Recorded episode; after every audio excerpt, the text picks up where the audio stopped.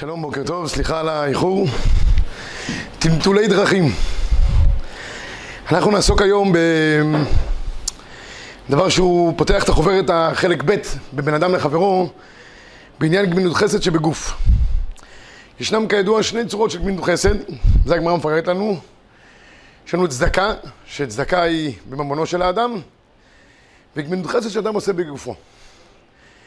גמילות חסד שאדם עושה בגופו זה פרוס על פני המון אפשרויות. זה מתחיל מהארת פנים בבוקר של אמירת שלום, הקדמת שלום, כבר דיברנו על זה בחוברת הקודמת, כולל עצות טובות למישהו, עזרה פיזית בנשיאת דברים באופן כזה או אחר, כל זה נחשב בגדר גמילות חסד שבגוף. והגמרא במסכת סוכה מבדילה בשלושה דברים בין צדקה לבין גמילות חסדים. הגמרא אומרת ככה, תנו רבנן, בשלושה דברים גדולה גמילות חסדים יותר מן הצדקה. צדקה בממונו, גמילות חסד בין גופו ובין ממונו, צדקה לעניים, גמילות חסד בין העניים ובין העשירים, צדקה לאנשים חיים, גמילות חסד בין החיים ובין המתים. ובית יוסף אומר דבר נפלא מאוד, אומר בית יוסף על המשנה שאנחנו אומרים, אלו דברים שאין להם שיעור. הפאה בביקורים, הרעיון גמילות חסדים, תלמוד תורה, אומר הבית יוסף, מה זאת אומרת גמילות חסדים אין לה שיעור? הרי כתוב בצדקה, גמר מסכת כתובות, המפריש אל יפריש יותר מחומש. אומר הבית יוסף, הכוונה היא לגמילות חסד שבגוף. גמילות חסד שבגוף אין לה שיעור. ואם אנחנו רואים את ההבדלים שיש בגמרא בין גמילות חסד לבין צדקה, צדקה היא דבר מאוד מותחם. צדקה אדם נותן לאדם שהוא בגדר עני, ולעניים יש הגדרה הלכתית מאוד מדויקת היום. מי זה נקרא עני? רק לאנשים חיים בלבד, ואדם עושה גם צדקה רק בממונו בלבד. לעומת זאת, גמילות חסד באמת אין לה שיעור. בין העניים, בין העשירים. גם עשירים צריכים גמילות חסד. הם גם צריכים שותפות באופן כזה או אחר. בין החיים, בין המתים, לא, אין לזה שום גבולות. בין בממונו, בין בגופו. לכן הרמב"ם כותב פירוש המשניות, גמילות חסד הוא שם נופל על שני סוגים מהמצוות. האחד, השתתפות האדם עם ישראל בממונו, שזה נקרא יותר בגדר של צדקה, כי זה נעשה בממון, והשתתפות האדם עם ישראל בגופו, כגון ניחום אבלים ואת המת ושמחת תרנים. אני חייב להגיד משהו על הרמב"ם. אנחנו כבר ברמב"ם, בחוברת הקודמת, למדנו שכל דבר שאדם עושה, מבחינת ביקור חולים, הלוויית המת, אה, עזרה לחברו וכולי, כולם בכלל ואהבת לרעך כמוך. אם ככה יוצא שלפי דעת הרמב"ם, כל מי שמסייע בגופו לחברו, מקיים מצוות עשה דאורייתא, של ואהבת לרעך כמוך. אומר הרמב"ם, לכן אמרו שאין לה שיעור, כי בהשתתפות האדם בגופו אה, יש לו גבול, חמישית, וכולי, כמו שאמרנו חומש, אינו חייב יותר מזה. ואמרו, נמנו באוש להיות אדם מפריש חומש מנכסיו למצווה. אבל בגנות חסד שבגוף אין לו שיעור. וכאן הבאנו בחוברת, במקור ארבע, את הנתיבות של, אה, נתיבות עולם למהר"ל בנתיב החסד. המהר"ל אומר דבר נפלא ביותר. אומר המהר"ל, מה יסוד ההבדל בין צדקה לבין גמילות חסדים? למה גמילות חסד היא בלתי מוגבלת, היא פשוט פורצת כל גבול, וצדקה היא מאוד מותחמת. אומר המהר"ל דבר נפלא.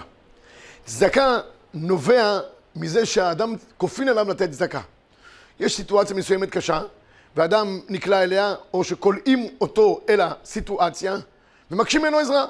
במקרה כזה, אדם, אדם אה, בדרך כלל אה, נענה, כי אין לו ברירה. גם כי לא נעים לו להגיד לא, גם כי הוא רוצה שקט נפשי.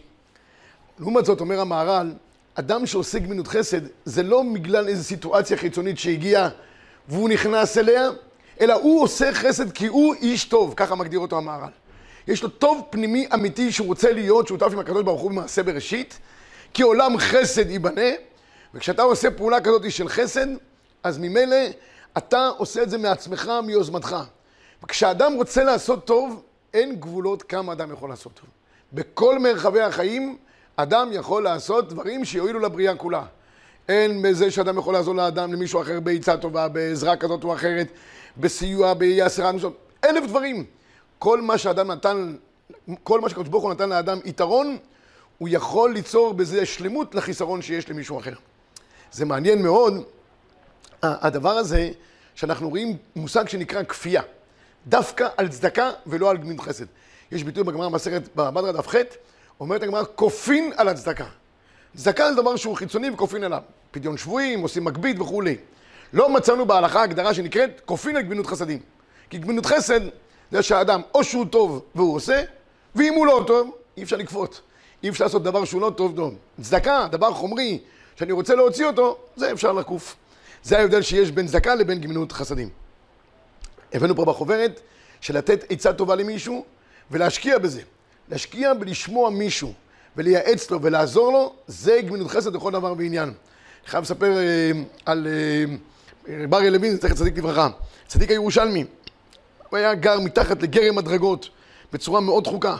והיו באים אליו אנשים, יושבים אצלו כמה דקות, יוצאים תמיד שמחים. שאלו אותו, רב אריה, מה אתה מחלק מתחת לגרם המדרגות? מה אתה כבר יכול אה, לאפסן שם שאתה נותן לאנשים? הוא אומר להם, אני לא עושה שום דבר מיוחד. אני פשוט יושב ושומע. אין לי מה לתת, אני אדם שהוא בעצמו היה, הוא היה אני מרוד, אבל אני שומע. כשאני שומע באמת, זה כנראה עושה 90% מהעבודה. לשמוע ולהאזין למישהו אחר, הגמרא אומרת, דילמה אטם עצה טובה כמה שמונה, לשמוע, לתת עצה טובה, זה דבר שהוא ערך בפני, בפני עצמו. וכאן התחידשו האחרונים, גם בעל תשובות והנהגות, הרב שטרנבורג וגם הרב פיינשטיין, שניהם כאחד, שיש מושג חדש שנקרא מייסר. אנחנו בדרך כלל רגילים שיש מייסר כסופים. אדם מכל מה שהוא מרוויח, נותן מעשר, או 10 אחוז או 20 אחוז, תלוי לפי דעת הפוסקים. כבר דיברנו על זה גם כשלמדנו תשובה ביורי דעה, האם זה חובה מדאורייתא, מדרבנן, הנהגה טובה. אבל הם חידשו שיש מייסר חדש. מייסר זמן. הם בעיקר מדברים בתוך, בתוככי הישיבות. בתוככי הישיבות לעשות חסד זה די קשה, אלא אם כן יש בחורים שכמו בישיבה אצלנו עושים הפצות ועוזרים פה לאנשי השכונה, זה משהו אחר. אבל סתם בחור ישיבה רגיל, לומד שלושה סדרים בהתמדה גדולה, אוכל, יושן, ונגמר העניין. איפה הוא יכול לעשות חסד עם אחרים? אז חידשו גם הרב שטרנברג וגם הרב פיינשטיין, שאדם שנותן 10% מזמנו למישהו אחר. בא בחור חדש משנה א', רוצה להיכנס לעניינים, יושב איתו, משקיע בו, לומד איתו. זה גדר של חסד שבגוף, ועל זה יש גם מייסר. זה החידוש אולי הגדול שלהם. בדרך כלל אנחנו רגילים שיש מייסר על ממון. אדם שנותן מזמנו לאחר, הוא עושה חסד שבגוף, וגם שהיה שם המושג שנקרא מייסר. אני אומר לאו דווקא בחור ישיבה מבוגרים וצעירים. כל אדם שמוכן לשבת עם מישהו אחר, להשקיע לבית הכנסת ולהשקיע ולעזור לרבים, באיזה עניין קהילתי, באיזה עניין של אה, עזרה הדדית. כל מי ששותף בדברים האלה, הוא מקיים מצוות עשה של ואהבת, הוא גם מקיים כאן מייסר, ואני אומר גם, כנראה שאם כתוב על מעשר, עשר בשביל שתתעשר, אז מי שיודע להשקיע בשביל אחרים, נראה לו שהוא לוקח זמן מעצמו, הוא מחסיר זמן עצמו, כמו שבממון, מי שנראה לו שהוא מחסיר, בסוף הוא מתרבה, כנראה שגם הזמן יכול להתרבות. יש מציאות כזאת שאדם פתאום מרגיש שיש לו יותר זמן. דווקא ההשקעה לאחרים נותנת ברכה בזמנו של האדם. הוא עושה את הדברים יותר מהר, יותר ביעילות. הנה, יש לך גם כאן מייסר, עשר תתעשר בממון וגם בזמן. החפץ חיים מדבר באריכות גדולה מאוד בספרו אהבת חסד. החפץ חיים היה ספר אה, חשוב ביותר של אהבת חסד, כי החפץ חיים כולו היה חסד. תמיד תמיד תמיד אני מספר על החפץ חיים, שפעם אחת הביאו אותו לשופט, וכשהיה שם דיון, לאחרי הדיון הגיע איזה יהודי לשופט ברדין. הוא אומר, תגיד לי, אתה יודע עם מי אתה מתעסק? מי זה היהודי הזה? הוא אומר לו, מי היהודי הזה? הוא אומר, תדע לך, שהוא כולו חסד. והוא נותן לאנשים להיכנס אליו הביתה עניים, מרודים וכולי וכולי, ויתרה מכך, אם נכנס אליו גנב הביתה ולוקח דברים, החפץ חיים רודף אחריו, ואומר לו, רב יהודי, מחול לך, מחול לך, ואתה צריך, תבוא עוד פעם. השופט אומר תגיד לי, זה נראה לך נורמלי? הוא אומר לו, זה לא נראה לי נורמלי, אבל עליי ועליך לא מספרים את הסיפור הזה. החפץ חיים היה כולו עמוד של חסד. חוץ מספרו שמירת הלשון, חוץ ממשנה ברורה, הוא, סיפ... הוא חיבר קונטרס שנקרא אהבת חסד. ושם הוא מדבר על אנשים שקשה להם להלוות ולהשאיל חפצים לאחרים. הם שומרים על ממונם, לא רוצים להשאיל, זה יתקלקל, זה לא יביא, בדרך כלל מה הם אומרים? אין לי. אומר החפץ חיים, זה צרות עין נוראה שאדם לא רוצה להשאיל מחפציו לטובת אחרים. ויש בזה מניעה של חסד, וכל השאלת חפץ, גם אם יש קצת סיכון שיקרה לו משהו בדרך, יש בזה גדר של גמינות חסדים. אני אקרא אולי ברשותכם כמה משפטים מדברי אהבת חסד, במקור שמונה, אפילו בדברים נקלים, כמו נפה וקברה ושאר כלי הבית, או שילת מסרק מבריכת וכל קהל ימנה. יש אמון, אם מכל זה, אף בעת שהכלים פנויים אצלם, מפני מידת צרות עין הנמצא בהם. היינו שאינם צרה ליהנות אחרים בדבר מה. אבל מכל מקום לא נגע עליהם אור החסד. אינם יודעים מטבעה, שאילו היו משיגים את אור החסד, את גודל ערכה, לא היו משביתים שום דבר מלהחזיק מידת החסד בכל עניינם. היו שמחים שהקדוש ברוך הוא מזמין להם באיזה דבר להיטיב להתחסד עם רעיהם. הרבה, הרבה פועסקים אומרים, אדם מכניס טרמפיסט לתוך האוטו שלו. זה לא חסד שבממון, אבל חסד שבגוף. אתה עוזר לו, אדם נמצא בדרך, לא יודע, עכשיו עם הקורונה, צריך לשאול את הפוסקי קורונה. אבל בעיקרון, לאסוף אנשים, להשאיל להם חפצים, לסייע להם, כל זה בכלל גמילות חסד. הוא אומר החפץ חיים, וזה דיברנו רק בענייני השאלת כלים, שהיא טובה, וכל שכן שמצווה להשאיל ספר לחברו. ללמוד בו, ומי שמשאיל ספרים לאחרים, הרי שזכות הלומד עומדת לו ולזרוע אחריו, זה מה שנאמר, הון ועושר בביתו וצדקתו עומדת לעד וכולי. בקיצור, גמינות חסד אין לה גבולות בכל מיני אפשרויות, ובעיקר להיטיב לאחרים בעין טובה. אבל לכל העניין של גמינות חסד וצדקה, תמיד אנחנו חוזרים לדבר הזה, יש תנאי אחד מאוד בסיסי. והוא, אומר המחבר במקור תשע ביורד זה בהלכות צדקה מופיע, צריך ליתן הצדקה בספר בנים יפות. עיקר העניין זה מאור פנים. שאדם ידע להאיר פנים לאחרים. זה נותן את עיקר העניין. לא משנה כמעט מה התוכן שאתה נותן. האופן שבו אתה נותן, זה כל העניין כולו. תמיד אני ממשיל את זה לעניין של אוכל. אתה יכול לתת את האוכל הכי טוב בעולם. שם אותו בתוך איזה נייר, בתוך איזה שקית, אומר לי מישהו, קח, תאכל. אה, יכול להיות שזה אוכל מאוד טעים, הושקע בו המון. אבל אם זה מוגש בצורה לא ראויה, האוכל מגעיל והכל אה, דוחה ונגמר העניין. קח אוכל אפילו פשוט. תגיש אותו יפה, עם כלים נעים, לא משנה, תשים בצלחת כמו בחתונות יוקרתיות איזושהי נקודה של אה, כבד, אין שם כלום, אבל תשים סביב זה כל מיני כאלה, פששש, תן לאדם הרגשה שמכבדים אותו ויש איזה אוכל מיוחד וכולי וכולי וכולי. צורת ההגשה היא הקובעת. מאור הפנים והחיוך וה, והנתינה בטוב לב פנימי, זה קובע את כל העניין כולו. לא לחינם אמרו חז"ל בגמרא, מסכת אה, שבת, ולבן שיניים מחלב. טוב המלבין שיניים לחברו מי שמשקהו כוס חלב. צריך להבדיל בין שניהם. מי שנותן כוס חלב לחברו, זה כמו שאחד נותן למישהו צדוקה. נותן לו כוס חלב מצוין. אחד שמלבין שיניים לחברו, מאיר לו פנים מבוקר טוב עם פנים מהירות, דואג לשלומו באמת במאור פנים, מראה לו חיוך ורצון טוב לעזור בכל, בכל מי שאפשר. זה שווה פי כמה מכוס חלב. גם כוס חלב חשוב לתת, זה פשוט.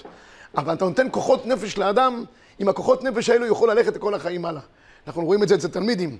אתה אומר לתלמיד איזה משפט אחד טוב, ושכחת ממנו לגמרי. אתה אומר לו, תשמע, אני מחזיק ממך, אני מאמין בך שתהיה גדול הדור הבא. לא בטוח, אבל למה לא? מה אכפת לך תגיד לא? אחרי עשר שנים כבר נהיה אברך חשוב. הוא אומר, אתה יודע איך נהייתי ככה אברך כזה מתמיד? אתה זוכר שאמרת לי? לא, לא זוכר שום דבר. אבל המשפטים האלה שאמרת, הוא האמין בזה בכל ליבו, קיבל את זה בשמחה, לקח את זה, הפנים, ולבן שיניים מחלב, מאור פנים, מילה טובה, נותנת כוחות נפש פי כמה. אומר המחבר, זה התנאי לכל ענייני החסד. שאדם ייתן בסבר פנים יפות, בשמחה ובטוב לבב. הוא מתאונן עם העני בצערו, הוא מדבר לו דברי ניחומים. ואם נתן לו פנים זעופות, הפסיד זכותו. המחבר אומר בסעיף אחר, אפילו נתן לו אלף דינרים, ונתן לו את זה בפנים זעופות, נגמר העניין. דרך אגב, גם בעניין לימוד, הגמרא אומרת מסכת תענית, אם אתה רואה תלמיד שתלמודו קשה עליו כברזל, הבן אדם לא קולט. מיד בדרך כלל מה אנחנו עושים? אבחון לתלמיד. אולי צריך רטלין, אולי לא מבין, יש לו בעיית קשב וריכוז, אלף דברים אחרים. אומרת הגמרא, לפני שאתה בודק את התלמיד, תבדוק את המלמד. אומרת הגמרא, מפני שרבו אינו מאיר ומסביר לו פנים. אם הדברים לא נעשים במאור פנים, בטוב לבב, זה חוסם את התלמיד מלקלוט. הכל תלוי במאור הפנים שלנו. כאן אני רוצה לגעת בנקודה נוספת לגבי העניין של אה, ביטון תורה בגמינות חסדים. אנחנו יודעים שבדרך כלל העוסק במצווה פטור מן המצווה, כי אתה עוסק במצווה אחת, אז הקדוש ברוך הוא אומר, אני חפץ במצווה הזאת וחפץ במצווה אחרת, כך אומר הריטווה בכל אופן מסכת סוכה. מה שאתה עושה עכשיו, מבחינתי זה החיוב ונגמר העניין. האם גמילות חסד היא גם נכללת בכלל הגדר של העוסק במצווה הפטור מן המצווה? כי הרי כבר למדנו בתחילת שיעורנו שכל העניין של גמילות חסד, לפי הרמב"ם, ככה כותב הרמב"ם בהלכות אה, אבלות, שהכל נכנס תחת הכותרת של ואהבת לך כמוך, אהבת לך כמוך, זו מצוות עשה דאורייתא. האם יש בזה גם גדר של העוסק במצווה פטור מן המצווה? פעם אחד השיעורים בישיבה ביררנו האם יש במצווה קיומית גם את הגדר של העוסק במצווה פטור מן המצווה? נחלקו בזה הראשונים, הריטווה, מוקי יוסף, יש כאן נתיבות נפלא ביותר. הנתיבות רוצה להגיד שכן. אז מה קורה לגבי עניין של גמילות חסדים? יש אה, גמרא במקור, אה, במסכת ברכות, שמדברת על עוסקי, אה, עוסקים בצורכי ציבור, למשל אלה שמלווים את המיטה, הם המלווים וכל מי שנמצאים סביבה, הם פטורים מקריאת שמע מן התפילה ומן התפילין, כי הם עסוקים, עסוקים כרגע במצווה. שם הגמרא דורשת את כל הסוגיה של העוסק מצווה פטור ממצווה, זה מופיע פעמיים בש"ס, ברכות ומסכת סוכה. המחבר פוסק במקור 11 באור החיים סימן עין כך, היה עוסק בצורכי רבים, הגיע הזמן קריאת שמע, לא יפסיק, אלא יגמור עמהם ויגמור עסקיהם ויקרא אם נשאר עת לקרות. אומר המחבר, אם יש לך זמן לקרוא קריאת שמע אחרי שסיימת את הגמינות חסד, מצוין. אבל כל זמן שאתה עוסק בצורכי רבים, ואתה, הגיע הזמן קריאת שמע, אתה פטור מלקרוא קריאת שמע. וזה, תחת הכותרת שלה, עוסק במצווה פטור מן המצווה. אלא מה? בעל הפסקי תשובות, שהוא נותן בדרך כלל את הדברים הרלוונטיים להיום, מביא את הדברים של המחבר, וכותב ככה, כל העוסק בצורכי ציבור, אין שם משתדל אלא הוא, אפילו רק עוסק בהצלת ממון חברו. לא, אפילו דברים גשמיים. הולך להציל את הבורסה שלא תיפול, להוציא את המניות שלו שלפני שהכל ייפול. אפילו גם יקבל שכר טרחה לזכור. אינו מפסיק קריאת שמע ולתפילה. יש ארגון ידידים. הם מסייעים לאנשים אחרים באופן כזה או אחר. מצוין. הם עסקים במישהו שצריך עכשיו להחליף לו פאנצ'ר, וזה ודאי גמינות חסד שבגוף, לעזור למישהו להחליף פאנצ'ר, נתקע בדרך, אין לך דבר יותר גדול מהדבר הזה, זה בדיוק הפרשה שלנו, הקם תקים עמו. אפילו שהם מקבלים נגיד, אה, אפילו שיש איזשהו שכר או משהו, אינו מפסיק לקריאת שמע ולתפילה, אלא אם כן בריא לו שבאפשרותו להפסיק ולעסוק בצורכי ציבור בלי גרימת נזק וחיסרון. אבל אם יהיה איזה חיסרון, גרימת נזק, סיכון, יש אחד שעומד בשולי הדרך, סכנה לעמוד בשולי הדרך. במקרה כזה, אנחנו אומרים באופן אוטומטי, העוסק במצווה פטור מן המצווה פטור מקריאת שמע ומן התפילה. מצוין. ואם התחיל בצורכי ציבור שכבר הגיע, זמן תפילה, לא צריך להפסיק. אפילו נגיד שהוא קצת אה, פושע, שכבר הגיע, אז מה? אם הוא עוסק בצורכי ציבור באמונה, אפילו הגיע זמן קריאת שמע, אינו מפסיק. אלא מה? הוא מחדש פה חידוש יפה. אז לפי הפשט, כל האחים, האחיות, הרופאים בבתי חולים, ארגון ידידים שמסייעים לאחרים, לאנשים שמסייעים, שוטרים אפילו, שמסייעים לציבור, שלא יהיה סכנה באופן כזה או אחר. כל מיני אנשים שהם עוסקים בצורכי ציבור, אפילו שמקבלים חלקם ממון על, על, על עבודתם, לא משנה. הם נקראים העוסקים במצווה. אלא הוא מחדש פה חידוש נפלא. הוא אומר, פעם, כשהיו עושים איזה דבר של צורכי ציבור, לא היו מפסיקים באמצע לשום דבר. אנשים היו עושים משהו בכל ליבם ובכל נפשם, במרץ כפול ומכופל, בלי שום הפסקה. היום בימינו אין אחד שלא מפסיק, אפילו שהוא עוסק בדברים גדולים, באמצע לכל מיני דברים כאלה ואחרים. יש אחד היום שלא מסתכל שעה בטלפון שלו, כמעט פיקוח נפש. הוא חייב להציץ אולי טראמפ יתקשר אליי, אליו, או מישהו מהאמירויות רוצה לעשות איתו איזה הסכם שלום. יש דברים נורא מפתיעים כל הזמן, אנשים לא יכולים שנייה אחת להיות בלי הטלפון. אה, אנשים, אה, יש רגע אחד שעתיים שלוש הם יכולים בלי קפה, בלי קפה, הפסק שנייה אחת, איזה קפה, הפסקת קפה וכולי. אנשים היום תלותיים בדברים גשמיים בצורה נוראה ביותר. זאת אומרת, כיוון שאנשים מפסיקים גם לדברים אחרים, אין שום סיבה, שגם כשהם עוסקים בצורכי ציבור, או בעזרה או בחסד, שלא יפסיקו גם לקריאת שמע ולתפילה. אמנם, הוא כותב, שאם באמת האדם עסוק בדבר של צורכי רבים וחסד לרבים, והוא לא יכול להפסיק אובייקטיבית אמיתית, הוא פטור. כשאני אומר פטור, רבותיי, מחלוקת הפרוסקים הוא צריך אפילו להשלים, האם יש דין תשלומין? ייתכן שאפילו אין דין תשלומין, כי הוא פטור לגמרי, הוא לא אנוס, הוא פטור מן הדבר. אז צריך לראות אם בכלל הוא צריך אחרי זה להשלים תפילתו. באופן, באופן מעשי, אחד שהיה טרוד לגמרי בענייני ציבור, בצורכי ציבור, הוא פטור לגמרי מתפילתו וגם לא להשלים את תפילתו. הדבר הזה גובל בדבר נוסף של אה, גמרא שעוסקת בענייני חסד של תנור רבנן, מבטלים תלמוד תורה להוצאת המת להכנסת כלה, ואמרו עליו רבי בן האי שמבטל תלמוד תורה להוצאת המת להכנסת כלה. כן, היו, אה, יש עניין בשביל אה, אה, הלוויה, או בשביל הכנסת כלה, להבדיל, אדם מבטל תלמוד תורה. למה? כי זה מצווה שצריך שתעשה על ידי, על ידי רבים באופן כזה או אחר. אני חייב להגיד פה מילה, בשבוע שעבר הלך מאיתנו אחד מגדולי עולם, שהוא כונה הגרזן, הגאון רמזן מנחמי גולדברג, זכיתי להיות סמוך על שולחנו כמה וכמה שנים טובות. הגודל וההיקף שלו בתורה היה בלתי נתפס, וכשהגענו להלוויה, אמרתי לעצמי, זה בדיוק אנחנו מקיימים את ההלכה שהגמרא אומרת שהם מבטלים תלמוד תורה פני הבליית המת, והגמרא שמה אומרת, בשביל אחד שלמד ולימד אחרים, אין גבול כמה אנשים צריכים להגיע. בשביל סתם אדם בישראל, 60 ריבו. אבל בשביל אדם כזה, שהוא כל כולו היה הרבצת תורה, מחטט את רגליו ממקום למקום בלי שום חשבון. באוטובוסים, יהודי גדול הדור, גדול הדור כפשוטו, כל התורה כולה מונחת פה בקופסה. העידו עליו כל, כל גדולי המשפחה שלו, מפתאום זה אורי זכר צדיק לברכה, שהתורה הייתה ממש חקוקה על ליבו, כפשוטו. היה מחטט את רגליו באוטובוסים. פעם שאלתי אותו, הרב, למה אתה לא לוקח מונית? רציתי להגיד לו, יהודי בסדר גודל שלך? הוא אומר לי, למה, למה אני צריך מונית אם יש חופשי חודשי? יש חופשי חודשי, יש לו את הכרטיס. לא, לא, לא חבל, לא חבל. אפשר לספר עליו סיפורים בתורה ובענווה ובשייף פעיל ושייף נפיק וגריס באורייתא תדיר בצורה מדהימה ביותר. אמרתי לעצמי שנכחנו שם, שזה הדוגמה הטובה ביותר לאחד שלמד ולימד תורה, ובוודאי מבטלים תורה בשביל, בשביל אחד כזה. שדה חמד רק כותב, אחרי שיש אה, חידוש של הריטווה בעניין הביטול הזה, שדה חמד אומר דבר נפלא. אומר שדה חמד, פעם כשהיו עיירות קטנות, והיה כלה אחת בעיירה, מבטלים תלמוד תורה מפני הכנסת כלה. היה לו עלינו איזה אחד, נמצא בעיירה, אז הם מבטלים. אומר, היום בימינו שיש מצבים שכבר אה, הערים גדולות, ברוך השם, יש רבו האוכלוסין בישראל, כן ירבו בן פורת יוסף. אומר השדה חמד, לא מצאנו שהתלמידי החכמים כל רגע יהיו אה, מפסיקים בלימודם, מבטלים תורה בשביל לעסוק בצורכי, בצורכי, בצורכי הרבים. אז הוא כותב כאן, כל שכן לפי הנהוג שולחים פתקאות הזמנה, מתפרסם ידי זה באיזה יום, אין כולם הולכים. כי אם השייכים אל החופה מצד הקרבה או אהבת רעות. מי שבאמת זה ישמח אותו או באופן כזה או אחר. אבל היום כבר הגדר הזה שמבטלים תלמוד תורה מפני הסעת כלה, זה כבר לא, לא שייך. והוא כותב כאן שכן מצאנו בעיר קודשנו ירושלים, היה מנהג טוב, והתלמידי חכמים בשביל זה היו כן מתבטלים.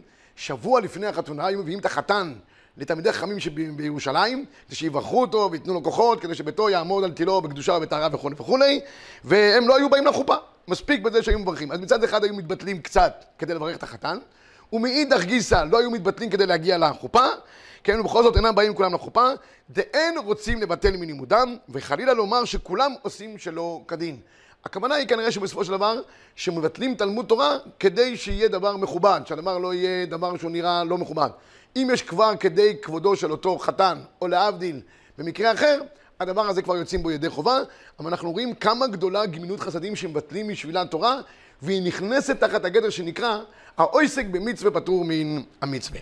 עוד על גמילות חסדים והנתינה והחיבור ביניהם, בעזר השם נעסוק בזה בפעם הבאה. שבת שלום וצו חטבה לכל לומדי הצו